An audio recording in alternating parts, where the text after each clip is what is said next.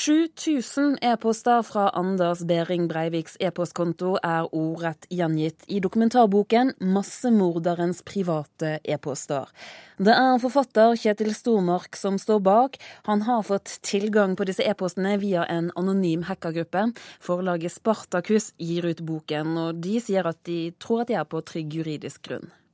Denne saken er såpass stor at det trumfer veldig mange av de eh, vanlige juridiske eh, spørsmålene knyttet som man skulle kunne reise her sånn, altså når det gjelder opphavsrett eller privatlivets fred.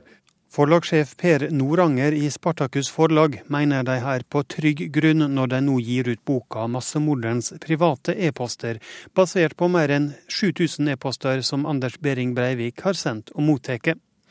Men Noranger vedgår at det er knytt enkelte etiske dilemmaer til publiseringa. Det er mange som syns det er slitsomt å se denne mannens ansikt i det hele tatt, og at man gjerne ville lagt dette bak seg. Og eh, vi var opptatt av å beskytte tredjepersoner i, eh, som Breivik kommuniserte med. da. Og det har vi jo da ivaretatt uh, grundig gjennom anonymisering i boken. Det er frilansjournalist og forfatter Kjetil Stormark som har bearbeidet e-postene til bok. Han fikk tilgang på e-postene fra hackere få dager etter terrorattakene i fjor. Forsvareren til Breivik, Geir Lippestad, synes ikke noe om at e-postene til klienten nå kommer ut i bokform. Nei, Jeg syns ikke det er greit å gi ut private e-poster. Det syns jeg ikke. Så kan man selvfølgelig si at dette har en samfunnsmessig betydning osv., men det vet jeg ikke. Jeg har ikke lest boken. Eh, og det må i så fall forfatteren ha en forklaring på hvorfor man mener at det har en samfunnsmessig interesse å gi ut private eh, mail som, som eh, man får tak i på en måte som, som heller ikke er grei, vil jeg tro. Det sier seg sjøl at over 7000 e-poster utgjør et stort materiale, men forlagssjef Per Noranger frykter ikke at de skal være forfalska. Det er ingenting som tyder på at dette materialet ikke skulle være autentisk. Det, det å konstruere et sånt materiale med 7000 e-poster full av så mye trivia, vil også være helt uh, umulig for noen å, å fake. da.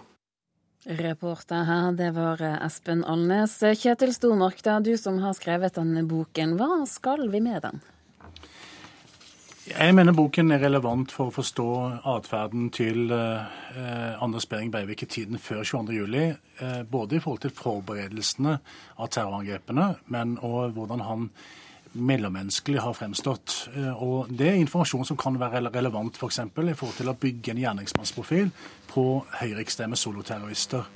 Og vi vet at det er forskere som ønsker å forske på dette, som ikke nødvendigvis har eh, lovmessig tilgang til eh, politiets eh, saksopplysninger. sånn at, det, at å gjøre dette materialet tilgjengelig for allmennheten åpner for en del forskningsmuligheter og videre arbeid med å søke fokus på årsakssammenhenger. Er det først og fremst for forskere, da, ikke den brede allmennheten? Et, et, vi satt og diskuterte litt vi kom inn i studio her, at uh, dette neppe blir en bok uh, som går i et veldig stort opplag. Er dette, Til tross for mediefokuset i dag, så gjetter på at uh, det, det, går som dokumentarbøker flest. Det, opplagene er ikke veldig veldig svære. Det viktigste for min del har vært å vente veldig lenge med å ta ut materialet, fordi det har vært veldig mange moralske og etiske utfordringer. Hvilke da? Ja, altså Det å, å, å gå løs på disse e-postene og lage journalistikk på de seks dager etter terrorangrepene ville eh, i veldig stor grad kunne ta bidra til å ødelegge viktige deler av politiets etterforskning, eh, kontaminere eh, bevis eh, før eh, politiet fikk anledning til å snakke med vitner. Det er en kjensgjerning i politikkretser at hvis eh, vitner blir kontaktet av journalister før de er avhørt av politiet, så vil det kunne bidra til å ødelegge erindringer av viktige hendelser. Sånn at det, For meg så var det ikke bare viktig å være journalist i det øyeblikket jeg fikk dette materialet. Jeg var nå nødt til å reflektere rundt en del valg som samfunnsborger i tillegg. Og Dermed så har du ventet i litt over et år. Jon Hestnes, du er nestleder i støttegruppen etter 22.07. Hva synes du om at boken kommer nå? Nei, det er jo som eh, vi sier at uh, det er for tidlig. Vi skjønner jo at vi kan ikke stoppe verken bøker eller filmer som kommer nå i fremtida. Det, det, har vi ikke verken makt eller myndighet til. Men vi mener at det er for tidlig. Det er tross alt bare gått ett år. Og det året har vært veldig turbulent. Rettssaker, dommen og alt som har vært nå. Så uh, om man hvis det kunne ha ventet ja, la oss si en to-tre år, så tror jeg ikke vi ville hatt samme reaksjon som jeg har fått i dag fra de berørte i uh, etter 22.07. Ja, hva sier de? Nei, de syns det er for tidlig. For at det, det har vært veldig mye media om det her i dag. Og i aviser og alt sånt. Så hver gang når de kommer på butikken for å kjøpe seg en liter melk, så er det aviser som slår midt imot dem. Og da er de tilbake igjen til 22.07. Så det er det de reagerer mest på. Den debatten som går nå om spesielt det her med etterforskninga på inneceller, er veldig sunn og viktig å ta tak i. Men vi mener jo at det bør ha vært hos politiet og så stoppa der. Så kan de ta seg av den saken. Stormak, kunne man, burde du ventet litt lenger? Nei, jeg mener tidspunktet er det beste nå. Jeg har veldig respekt for reaksjonen fra de eh, etterlatte og overlevende. Eh, men samtidig så er det litt sånn at denne boken eh, Det finnes ikke noe perfekt tidspunkt for en slik bok som dette. Det er, jeg mener at etter at bevisførselen er ferdig i retten, nå foreligger det etter alt å dømme en rettskraftig dom, iallfall i praksis. Og, og da er det naturlig at dette materialet blir gjort tilgjengelig. og for det, det, er faktisk en kjensgjerning at uh, veldig viktige svakheter ved Norges evne til å avdekke forberedelser til terror uh, fortsatt ikke er gjort noe med. Uh, dette systemet forsøker fortsatt å lære av de feilene som ble gjort uh, 22.07.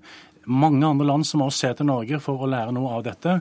Norge har tatt til orde for at det skal forskes på soloterrorister inn i EUs forskningsprogram. og Da er det viktig at så mye relevant informasjon som mulig gjøres tilgjengelig. Eh, og Da er det litt opp til folk flest eh, om de ønsker å søke denne informasjonen i denne boken, eller om de lar det ligge. Jeg har veldig respekt for det siste, hvis de velger det. Hestnes, ser du det poenget med at eh, disse svakhetene bør frem i lyset, og at det har offentlighetens interesse? Eh, absolutt at svakhetene bør frem i lyset, ja. Men eh, jeg vet ikke om det har så mye offentlighetsinteresse hvis du ikke helt spesielt har interesse på forskning eller eh, etterforskning på det å sette meg ned og lese over 7000 mailer, det har iallfall jeg veldig liten interesse ut av. Det som er litt skremmende med, med denne saken, er at uh, påtalemyndigheten og politiet har investert veldig mye prestisje i spørsmål om eksistensen av Knights Templar-nettverket, som de hevder var en tvangsforestilling i Breiviks hode. Min gjennomgang av e-postmateriale og øvrige opplysninger, og fra politiets etterforskningsdokumenter, som jeg også har tilgang til i arbeidet med denne boka, viser at det er veldig sterke indikasjoner på at eh, Breivik har eh, reist mye. Han har eh, drevet med en omfattende kontaktskapende virksomhet, samtidig som han har vært bortimot like avansert som en del hackere er i å skjule sporene sine på nettet. Når det er så mye prestisje i forhold til å finne ytterligere spor internasjonalt, så er det viktig at kanskje noen kommer med en påminnelse om viktigheten av å fortsette etterforskningen. Og det er kanskje det viktigste med det jeg har gjort i dag.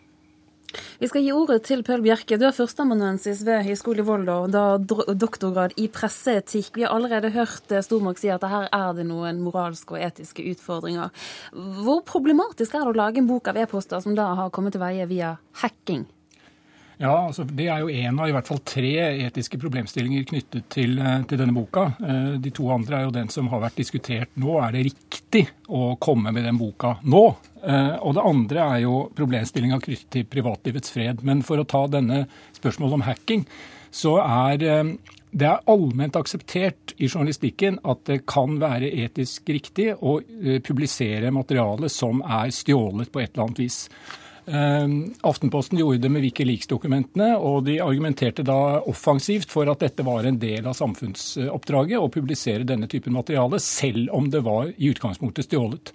Uh, historisk sett så er en av de mest berømte uh, historier i uh, journalistikkens historie, altså Daniel Ellsberg og Pentagon-papirene, som avdekket dobbeltkommunikasjon fra den amerikanske regjeringa under, under Vietnamkrigen.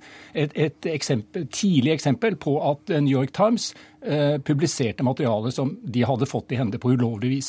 Så dette er en gammel diskusjon. Det er ikke noe nytt at det blir gjort. Og det er akseptert eh, etisk praksis i journalistikken å offentliggjøre materiale som er kommet dem i hende eh, ved ulovligheter. Spørsmålet er jo selvfølgelig når man kan gjøre det, og når man ikke kan gjøre det. Og det må jo bli en avveining av om dette har samfunnsmessig interesse. Er dette en del av samfunnsoppdraget, eller er det bare underholdning? Hva synes du om dette tilfellet? Eh, jeg har jo ikke lest boka. Eh, det er jo en kjent norsk sport å diskutere bøker man ikke har lest, så det kan, man, det kan vi jo fortsette med.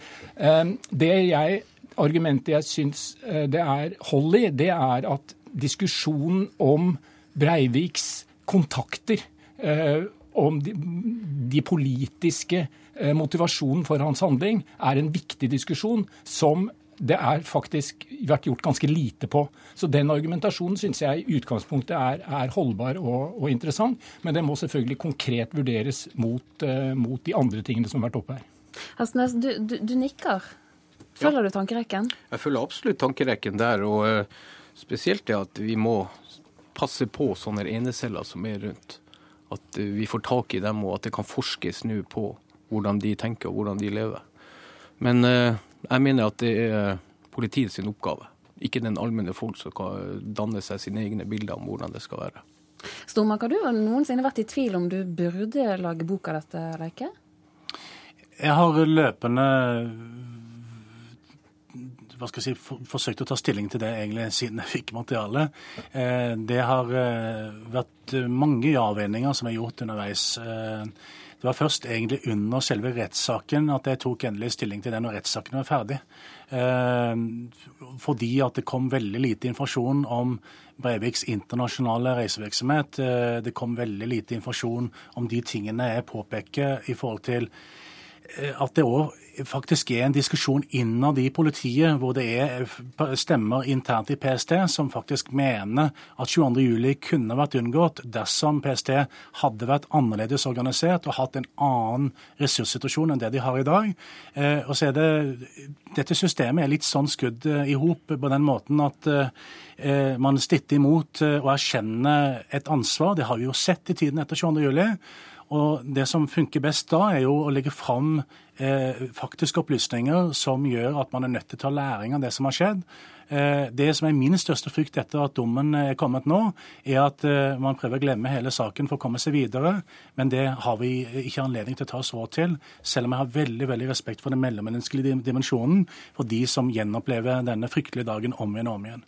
Per Bjerke, dette er opplysninger som har kommet til veie hva skal vi si, av ulovlige omveier. Du frykter ikke at dette kan føre til inspirasjon for flere slike lovbrudd? Altså, sånn, sånn vil jo, det vil jo alltid være fare for det. Eh, men eh, det må man eh, vurdere fra gang til gang. Og det er jo et faktum at veldig mye journalistikk og veldig mye viktig journalistikk har sitt utgangspunkt i opplysninger som er kommet til journalistene uetisk, ulovlig, eh, på et eller annet tvilsomt vis. Eh, uten dette råmaterialet så ville viktig journalistikk nesten ikke være mulig. Sånn at eh, det tror jeg ikke det er noen stor grunn til å være bekymret for at det skal øke pga. dette. Tiden løper fra oss. Pål Bjerke, du fikk siste ord i dette panelet her i Kulturnytt. Takk for at du kom til oss. Takk også til Kjetil Stormark og til Jon Hestnes.